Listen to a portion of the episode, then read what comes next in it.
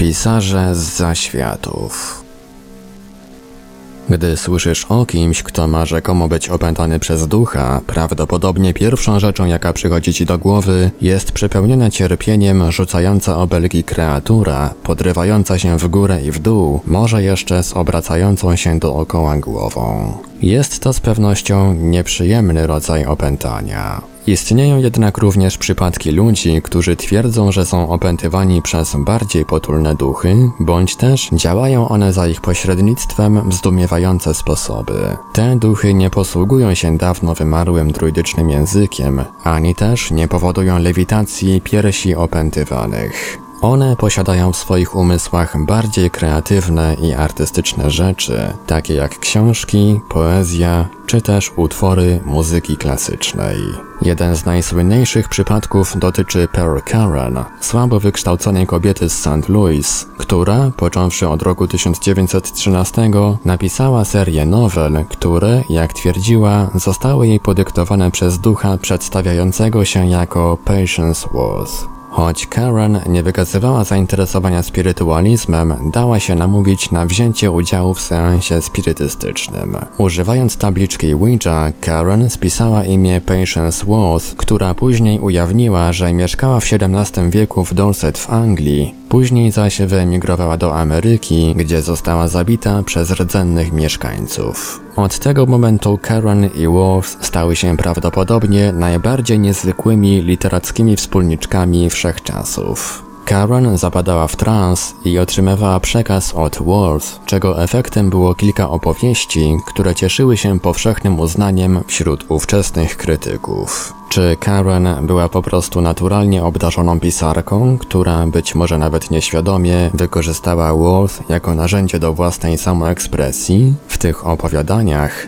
takich jak opowieść o smutku, Hope True Blood czy Ateneum. Dziwne jest to, że są to bogate w szczegóły nowele historyczne, napisane wieloma różnymi stylami literackimi. Ci, którzy znali Karen, uważali, że jej samej brakowało edukacji, wiedzy historycznej oraz umiejętności literackich, by móc stworzyć tak dobrze napisane historie. Jeszcze bardziej niezwykłe jest jednak to, że Karen niekiedy pracowała nad dwiema książkami Worth jednocześnie, poruszając się między tytułami i stylami literackimi i nie czyniąc przy tym uszczerbku dla którejkolwiek z książek. Ich najbardziej docenianym dziełem była opowieść Tolka, dziejąca się w średniowiecznej Anglii i napisana staroangielskim dialektem z tamtego okresu, choć, jak się mówi, Karen kompletnie go nie znała. Kolejnym pisarzem wykorzystującym tabliczkę Ouija był poeta James Merrill. Zdobywszy w 1983 roku nagrodę National Book Critics Circle Award, Merrill przyznał, że wykorzystał tabliczkę Ouija podczas tworzenia swojego wiekopomnego poematu pod tytułem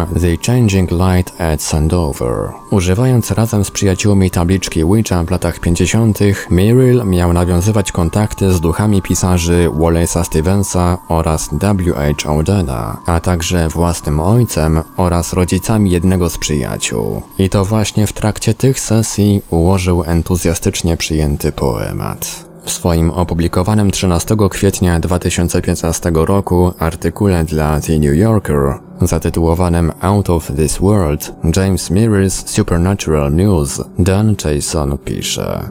Jak pokazują tysiące stron transkrypcji z ich sesji, weszli oni w sferę nadnaturalną głębiej niż przez długi czas uczynił to ktokolwiek o ich inteligencji i charakterze. Stworzyli coś, wspaniały poemat, który sprawia, że zadajemy sobie pytanie, co wydaje nam się, że wiemy o wszechświecie, co nie ma precedensu we współczesnej poezji. Być może pani Rosemary Brown swoimi artystycznymi osiągnięciami przewyższyła Karen i Merilla, komponując muzykę, jak twierdziła, co najmniej 20 nieżyjących kompozytorów, w tym wielu bardzo dobrze znanych. Rosemary, której matka miała posiadać zdolności parapsychiczne, twierdziła, że w wieku 7 lat ukazał jej się duch o białych włosach, i powiedział jej, że stanie się sławnym muzykiem. Dopiero 10 lat później, gdy zobaczyła w książce jego wizerunek, zrozumiała, że owym duchem był Ferenc Liszt. Wbrew jednak przepowiedni, Rosemary nigdy nie osiągnęła sukcesu w muzyce. Odbyła jedynie kilka lekcji gry na fortepianie.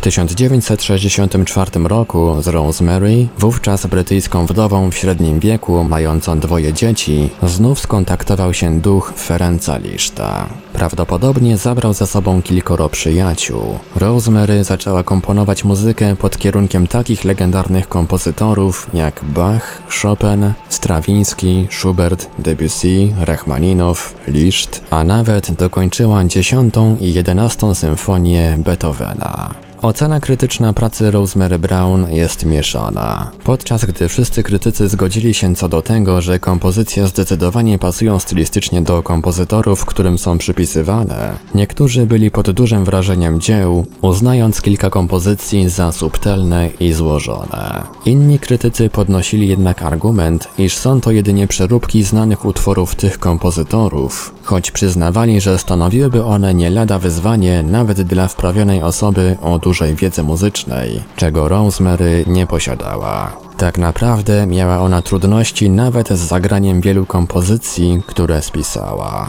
Jeden z najbardziej niezwykłych i kontrowersyjnych przypadków zapisywania przekazów z zaświatów dotyczy Jane Roberts, która twierdziła, że otrzymuje księgi od istoty duchowej o imieniu Seth. Jej historia rozpoczęła się w 1963 roku, kiedy Jane, pisarka, i jej mąż, artysta, rozpoczęli eksperymenty z tabliczką Ouija w celu rozwinięcia zdolności postrzegania pozazmysłowego. Ku ich zaskoczeniu pojawiła się istota o imieniu Seth i zaczęła przekazywać Jane, litera po literze, najbardziej zadziwiające informacje o życiu, stanie człowieka oraz potencjale ludzkiego doświadczenia.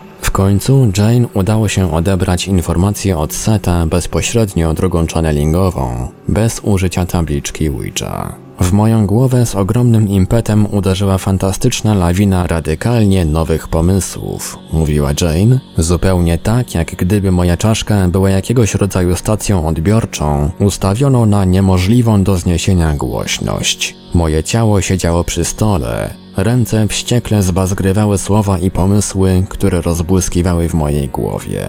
Efektem wielu lat i co najmniej 1500 sesji channelingowych jest 7 książek, które według Jane miały zostać podyktowane przez Seta. Są to m.in. Set Speaks, The Eternal Validity of the Soul, The Nature of Personal Reality and Dreams, Evolution and Value Fulfillment. Być może nie wszyscy wiedzą, że słynna już książka Helen Shackman A Course in Miracles Nauka cudów również była produktem przekazów channelingowych od ducha. Książka została przesączona i spopularyzowana przez interpretację dzieła dokonaną przez Marianne Williamson w Return to Love Reflections on the Principles of A Course in Miracles i kolejnych książkach.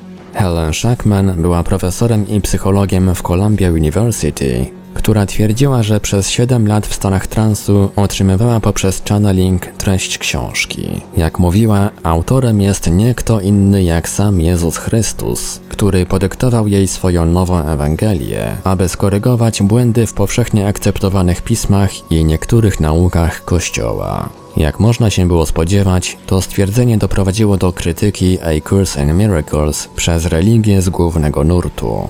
Niektóre określiły nawet książkę inspirowaną przez siły demoniczne. Publikacja cieszyła się jednak zainteresowaniem w innych kręgach, głównie poprzez książki i wykłady Williamsona. W jej przekazie próżno szukać demoniczności. Książka traktuje o miłości, przebaczeniu i rozwoju duchowym. Jednej z najbardziej znamiennych porażek, jeśli idzie o domniemany channeling od zmarłego pisarza, doświadczyła Emily Grant Hutchings, która w 1917 roku opublikowała Jab Heron, opowieść spisana dzięki tabliczce Ouija. Hutchings utrzymywała, że powieść została spisana dzięki nawiązaniu przy pomocy Ouija kontaktu z nikim innym jak samym Markiem Twainem. Szanowany autor takich klasyków jak Huckleberry Finn zmarł w 1910 roku.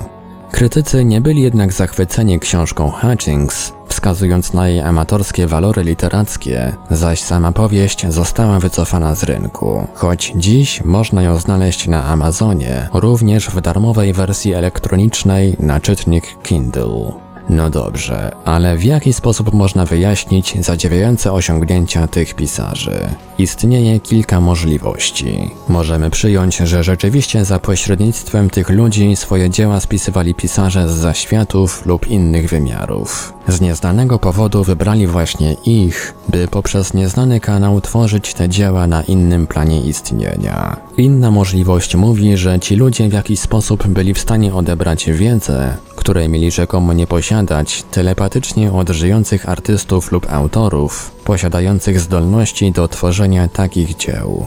Być może też posiadali zdolność do wejścia w zbiorową nieświadomość oraz zbiorową pamięć, która potrafi przenikać wszystkich nas i tworzyć te szczególne dzieła. Możliwe też, że ludzie ci byli wybitnymi savantami. Podobnie jak sawanci, posiadający zdumiewające, niewyjaśnione zdolności, na przykład w dziedzinie matematyki, u tych ludzi wystąpił nietypowy rozwój lub aktywność w pewnych obszarach mózgu, które pozwoliły im stworzyć te dzieła sztuki z pozorną łatwością, nawet sami dla siebie pozostając zagadką.